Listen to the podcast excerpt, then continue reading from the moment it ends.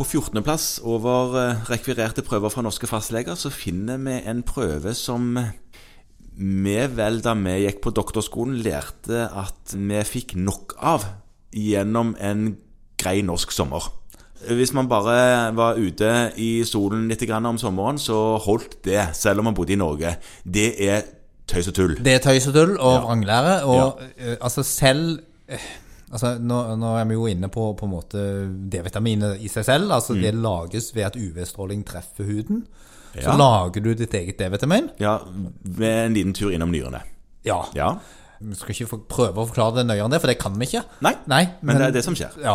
Ehm, og for at du skal ha nok sol på kroppen, altså selv, selv ikke de som er så ekshibisjonistiske som deg, som liker å kle av deg alle klærne og løpe rundt i Guds frie natur Mhm, Med truse, mm, Ja, vel å merke. Ja, du gjør ikke det så ofte, men eh, ikke ofte. Nei.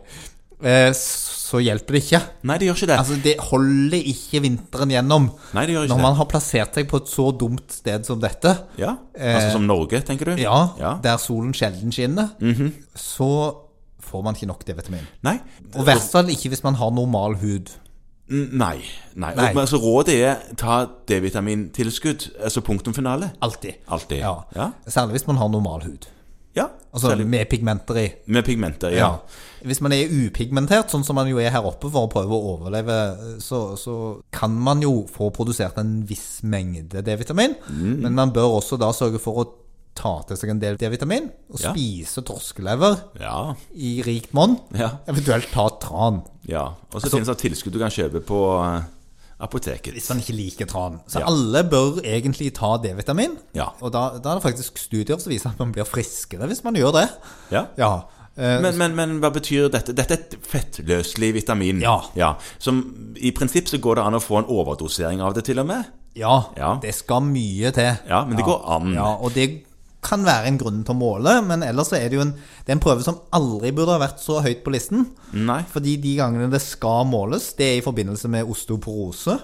Fordi at D-vitamin henger sammen med kalsium, Ja. og er viktig for kalsiumomsetningen. Og så er det ved nyresykdommer.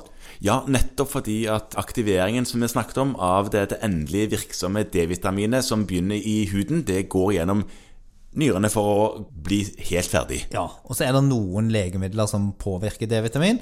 Ja. Eh, Det trenger vi ikke tenke på. Og så er det altså, malabsorpsjonstilstander kan også påvirke D-vitamin. Du Ja. klarer ikke å få tatt opp det du får i deg gjennom kosten. Nei.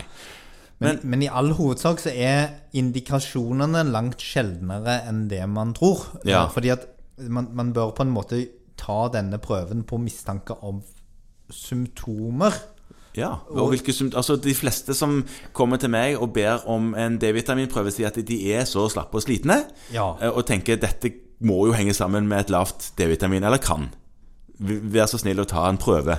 Ja, eh, av altså, det. ta alle prøvene du kan, Ja, ja sier da. du. Ja, men det er en mye lettere bestilling, for det tar jeg alle prøvene jeg kan. Og da styrer jeg jo ofte unna D-vitamin, for jeg vet at Men, men de lurer jo på vitaminene sine, da gjør de ikke det? jo da, jo da. Og da eh, er jo mm, på en måte beskjeden å gi er at du må bare ta tilskudd. Vi vet at hvis du ikke gjør det, så er den prøven litt lav. Og ta tilskudd. Og litt av problemet, det har vi ikke snakket noen ting om på disse andre blodprøvene vi har pratet om, det er at disse er jo belemra med en kostnad.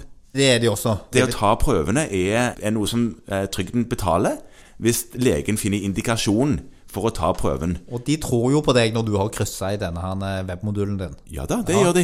Og D-vitamin er en dyr prøve å analysere. Ja. Ja. Og og det som står, og det kan vi minne om, det som står at diagnosen D-vitaminmangel stilles på bakgrunn av typiske symptomer på D-vitaminmangel. Og de symptomene er ikke trøtt og slapp. Nei, altså det er da noe som jeg knapt nok har hørt om. Ok? Ja, proksimal myopati. Ja, proksimal betyr jo at det er nær Sentrum. Eh, sentrum, ja. så det er så- muskelsmerter eller muskelsykdom. ja, mm, Smerter. ja. Og så er det gangvansker. Altså Ja, ja. proksimal myopati med gangvansker. Ja. Og så er det eh, rakitt. Hva kalte du det, sa du? Rakitt. Rakitt, ja. Ikke Ja. rakett. Nei. Nei. Rakitt. Rakitt, ja. Det er òg en sånn beinsykdom, er det ikke det? Jo, jo, medfødt denne, eller for lite eh, D-vitamin, og så Mm. det som kalles for osteomalasi. Så, så, så snakker vi om svære skjelettsykdommer. Ja. Så sjansen for å få en sånn ordentlig D-vitaminmangel er ikke stor, og så er det på en måte diskutert masse dette med lave, moderat lave D-vitaminer. Ja. Men hovedpoenget er at i stor grad så kan man kontra det ved å si tar du tilstrekkelig tilskudd, Ja. og har du noen symptomer, og det er svært dårlig dokumentasjon for at man blir trøtt og slapp av å ha litt lavt D-vitamin. ja. Men ta tilskudd, da. Det må jo være eh, poenget. Og noen ganger så skal denne prøven tas, men kanskje ikke nok til å rettferdiggjøre at den havner på 14. Nei, hvor havner den hen, da? På eh, jo, 14.-plass over prøver tatt referert fra fastleger. Den burde aldri vært inne på topp 24. Nei.